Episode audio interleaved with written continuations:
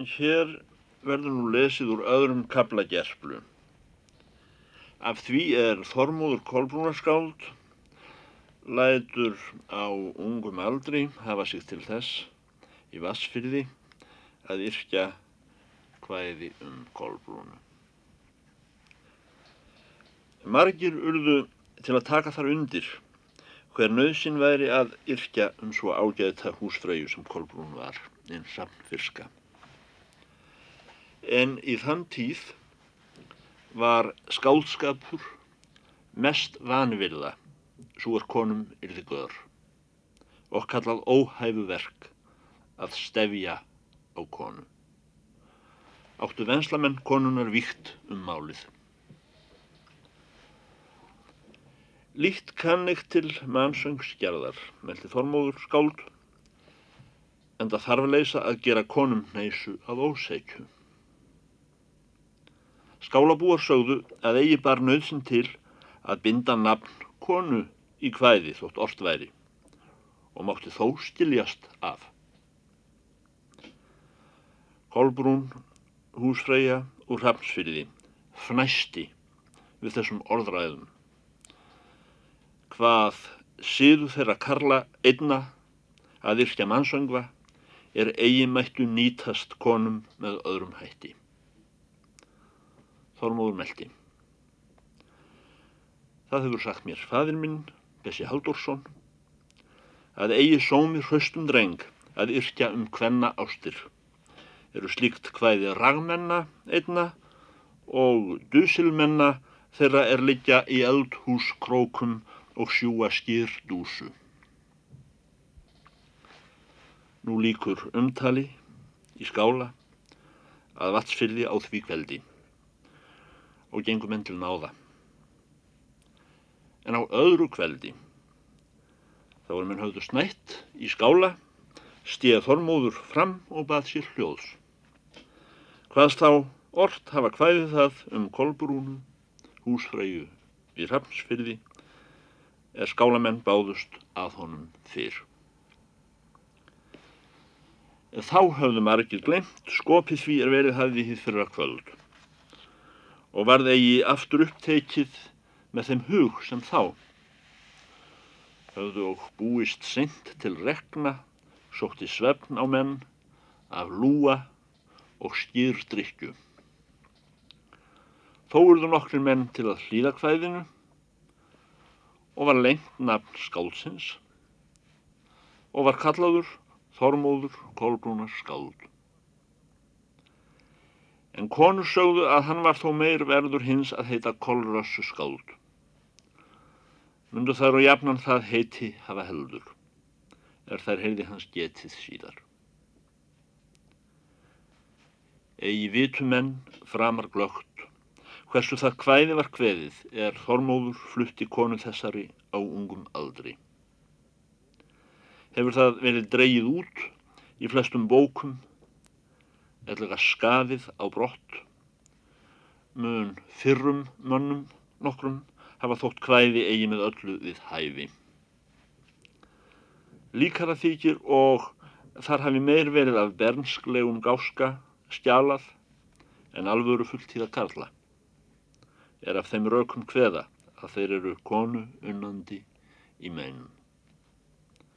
En um hitt er á flestum bókum einn frásögn rituð að Kolbrún einn hrafnfyrska hafi horki gert að lasta hvæðið nýlofa. En þá er sveitnin gekk að sofa í úthísi því þar sem vermundur frendi hans hýsti snöða menn, illmenni og hunda þá stríkur hann við rekkjustokki þeirra hrafns fjárðar maðurna. Lág húsfræja við stokk en mærin svaf við þýli fyrir ofan hana. Konan byður sveinin nema staðar. Eða hversu gammal maður erst þú, Þormóður skáld, spyr hún. Hann segir til aldur síns og er sumra mála þá væri hann 14 vetra en aðri segja 12. Hún grýpur þá til og setur skáltið niður hjá sér í rekkjuna og er það haft fyrir satt að eigi hafi sveitnin fyrir vitað að svo mikil kona væri í veröldinni. Undur mikið, segir hún. Er maður svo ungur hefur í frammi skáldskap við konur, eða þann hlut er við kunnum síst bröð í móti. Mun og slíkt einstæmi í veröldinni að einn sveinsdöli gerir sér konu að orðfýbli.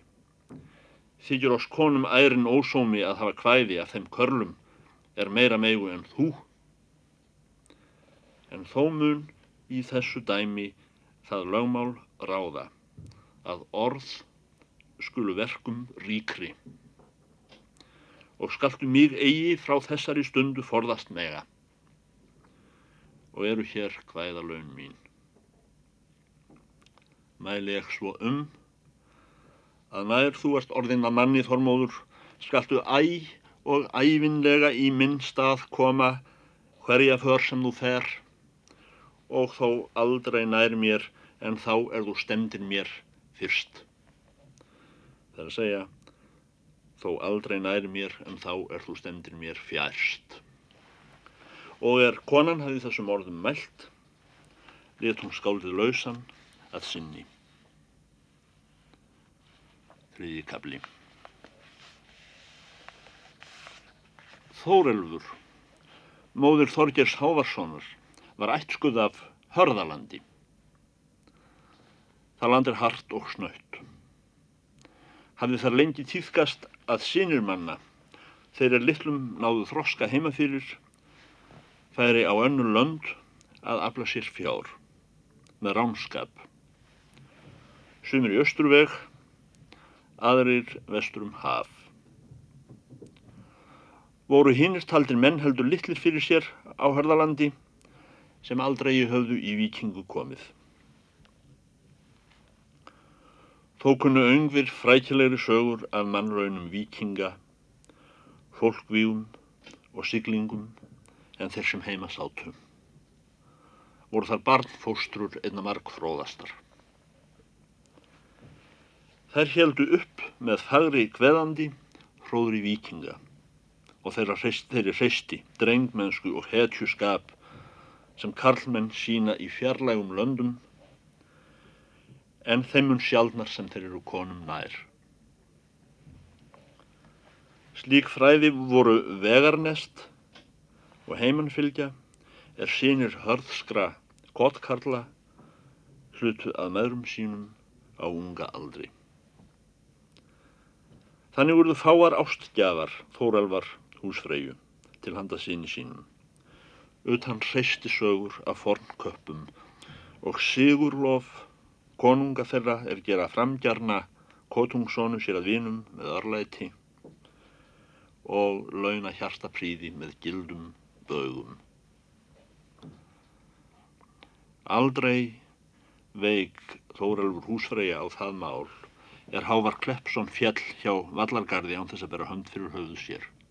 Hörðskur vikingur. Rætti hún um hann jafnaðarlega svo sem ótröðan garp. Er farið hefði eldi um lönd og barist fremstur í orustum ágæðtra konunga. Nam þorgir um föður sem þær sögur einar, þar sem hann stóðum til merkjum virtist sveininum einsýnt að konungar hefðu átt allt sitt undir föður hans og gert sér hann að trúnaðarmanni á örlögstundu og hefði í hávari bónda verið lífandi kominn sá maður kendur til sverðs og morðs sem í skálskap heitir ógnstærir. Það kendi Þóralfur húsfreyja síni sínum. Að málróf væri ómaga aðal og þeirra kvenna er með húsum ganga. Orð hvað hún til allra hluta fá nýtt nema þess lofs er konungum ber sverði og orustu. Hetja tekur lítt af um flesta hluti og fæst ekki af honum lofni last og ekki utan það orð sem hann á hverri stundu reyðubúinn að stiðja með vopni. Eru engi svör rétt upp í höfð í neinu máli utan sanni yrði sverða. Dugurmanns í ófríði, hreisti og slægviska, það er manngildi hans. Hvort hann lífi lengur eða skemur, hvort hann stendur eða fellur í orustu. Öngumáli skiptir það ef fræða ljóma ber á verk hans. Það voru mann gæði að vera jafn óhrættur um lífsitt, þótt við ofurefli værað etja, eins og þá er menn högva máttar lítiln, óvinsinn, óviðbúinn. Það var göfugmannlegt að þóla öngum manni fríu, efna hemd fyrir nekk, kunna að gera sér vísa fjándur af vélöndum, verða þyrri til högs. Það meldi móðir hans að góður drengur skildi vera þeim konungi tryggvastur er örlátastur var, fylgdi slíkum konungi gæfa. En þó skildi þennan svíkja í tryggðum ef hann skyrti fjö. Aldrei ekki skildi góður drengur láta þá skam af sér spyrjast að kjósa fríð ef ófríður var í bóði. Það meldi og móður hans að góður vikingur þyrmdi aldrei ekki konu í barni í hernaði. En hver sá maður er fyldi þessum heilræðum þá myndi uppi nafn hans með þjóðum meðan niðgarðs ormur væri bundin. Í fátæki sínu bjó Þórelfur að sveininum sem hún best kunni. Þjónaði honum sem tignum gesti, langþráðum og margfallega velkomnum, þeim er ættin á sæmt sína undir og hamingjul án. Hún let hann sitja fyrir þeim fáu gæðum sem í slíkum stað kunnu til að leggjast. Fyndi hún í jarðarber í brekku, flutti hún honum það heim. Hún kvatti hann til öngra verka, en kendi honum að það er lítill að karla að akast við bústörf og þrælslegt að draga fiska. Þó let hún hann venjast við að stýra skipi og sigla en það er upphaf farmennsku. Það var mestur harmur Þórelvar húsfreyju að hún átti ekki vopna að gefa síni sínum utan kilfuð hávarsbónda. Og þá er Þorgir spurði hví fadir hans átti eigi völgóðra vopna slíkur garpur sem hann hafiði verið og svaraði húsfreyja því til að sverð hans fórst í hafi. En það er haft fyrir satt að þó að lof valskra sverða hafi hvergi meira orðið en í íslenskum skálskap. Var fátækimanna slíkt hér á landi þá er þeir fóstbræður óksu upp að nálega engi maður átti vopn sæmileg á landinu aður en auðmenn þegar þau keiptu sér utanlendis fyrir oflætis sakir eða þáu að gjöf af stórhauðinjum. Þá er Þorger Hávarsson var tólf vetra gamal. Sendi móðir hans hann vestur á land Þorgísli frænda sínum að reykja hólum svo að sveitnin mætti kynnast við þær siðvenjur er týðkast með höfðingjum. Varð aft við lítill fagnaður að reykja hólum er sunnlenskir hrossaköpmenn skilðu af sér sveinin. Þorgils Arason átti bú mörg, en skip í förum. Gafst honum líkt tóm til að sinna frænda sínum, er skaut hér upp kolli, en gerði matseljum bóð að gestur þessi skildi vist hafa með húskörlum. Að morgni segir verkstjóri að Þorgir skuli ganga með öðrum piltungum að gefa svínum. Þorgir ansaði fá en satt því fastara. Hjælt því fram að hann þumbaðist við og fór hvergi er hún var sagt til verkum.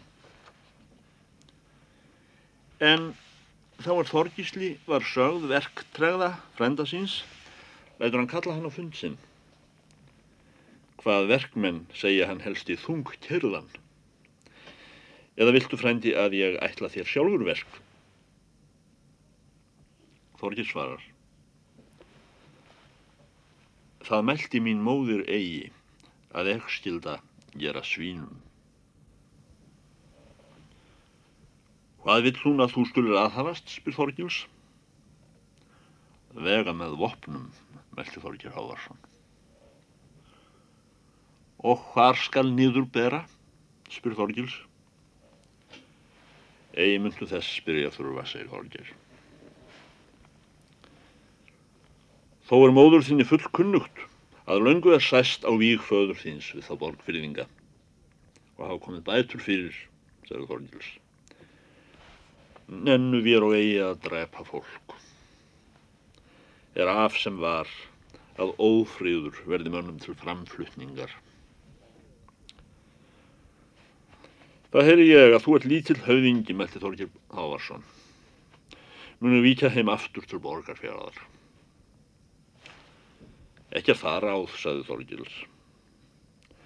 Ef þér eru leið svín, Far þá til að sjá unnið að selum eða hval skorinn.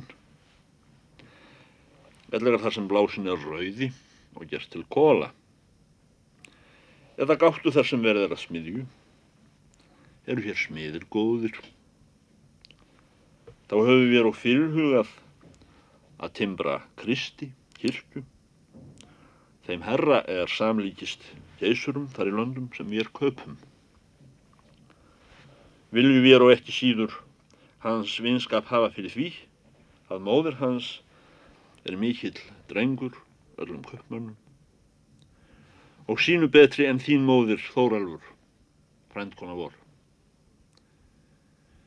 Vitjað þú timburmanna þar sem þeir telja kirkjuviðu og handleiktu sög eða lokar, þar að segja hefil. Eða viltu ganga til skips og gerast burðarkarl hjá kaupmönnum er hér margt manna gamlir og ungir að þarflegri yðju en vopna skak yfkum vel lít. Svo fór fram sem tilbegðist frá andverðu að Ástríki gerðist miðlungi heitt með þeim frændum. Þó tók Þorgils verkstjórum sínum vara á að amast við sveininum eða ífa hann. Þorgir hjælt á uppteknum hætti.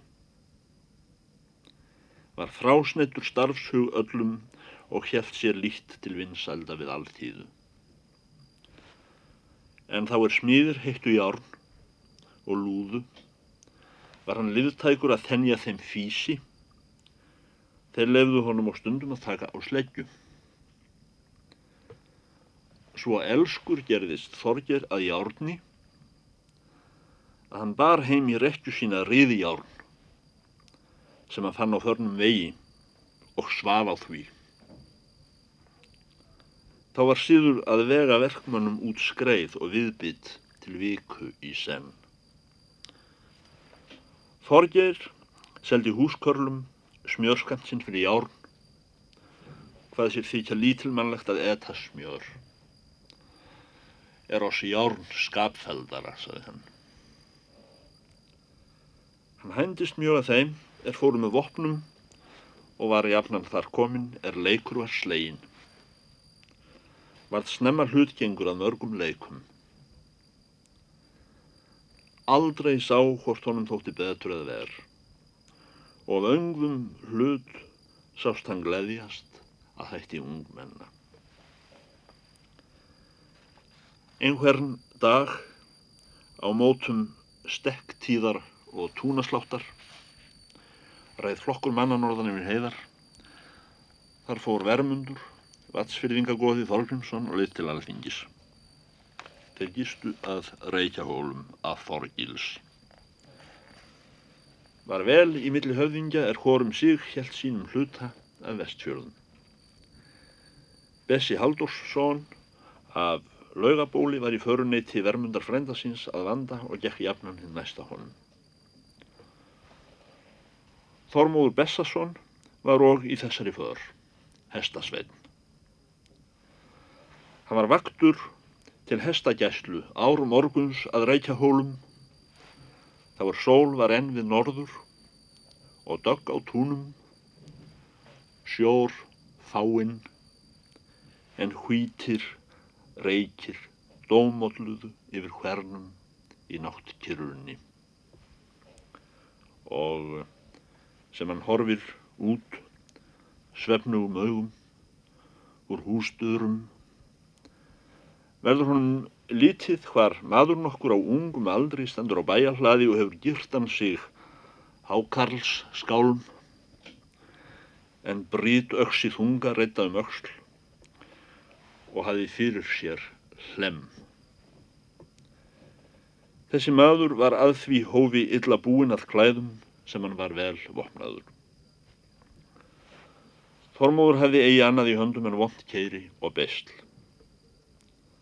Fór af honum allur svefn í skjótri svipan er hann rekst á eskumann þennan jafnaldra sinn, herrvættan á morni sof blíðum sem þessi var og gengur til móts við hann þar sem hann stóð undir vopnum sínum og skoðar eh, grannvarlega.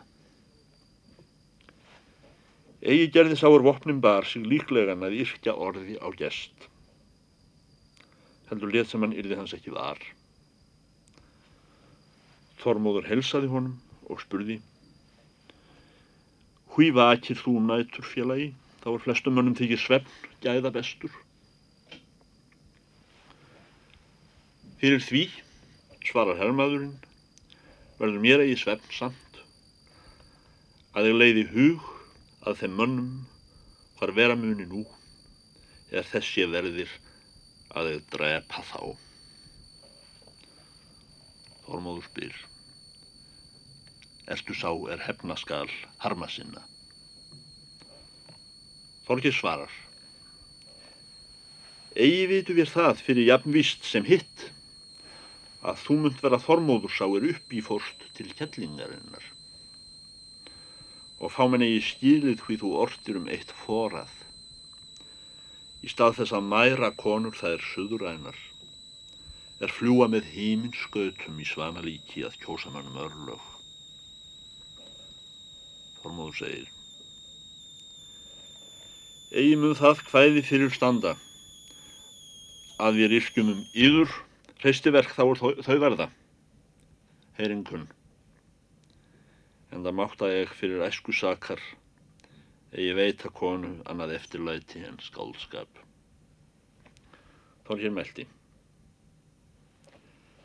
Þá er þú fregn að við höfum unnið svo verka að yður þykji eigi oflaunað með hvæði þá viljum mér gerast yðarvinur. Leifist mér nokkuð að taka höndum á vopnum þínum félagi spyr Þormóður. Vopn mín standa til bóta, meldi Þorgir.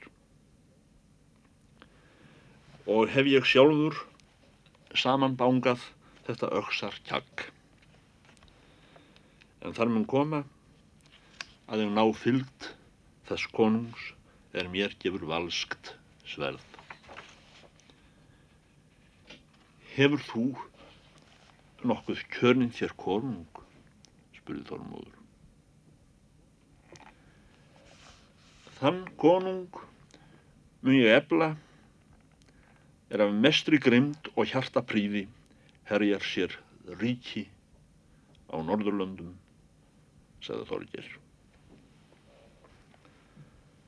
Svo virðist mér, segir Þormóður þá, að þar muni mikill garpur í heiminn borin sem þú ert, Þorgir Hávarsson. Lofa ekki því að nær sem þú hefur unnið fræðarverk þitt, hið fyrsta. Það er verðt sé gauðs gjafar, það er að segja skáldskapar. Skal ég heimann ganga á fund þinn hvar sem þú verður og flytja þér hvæði. Munum við eigi skilja félag okkart þaðan af.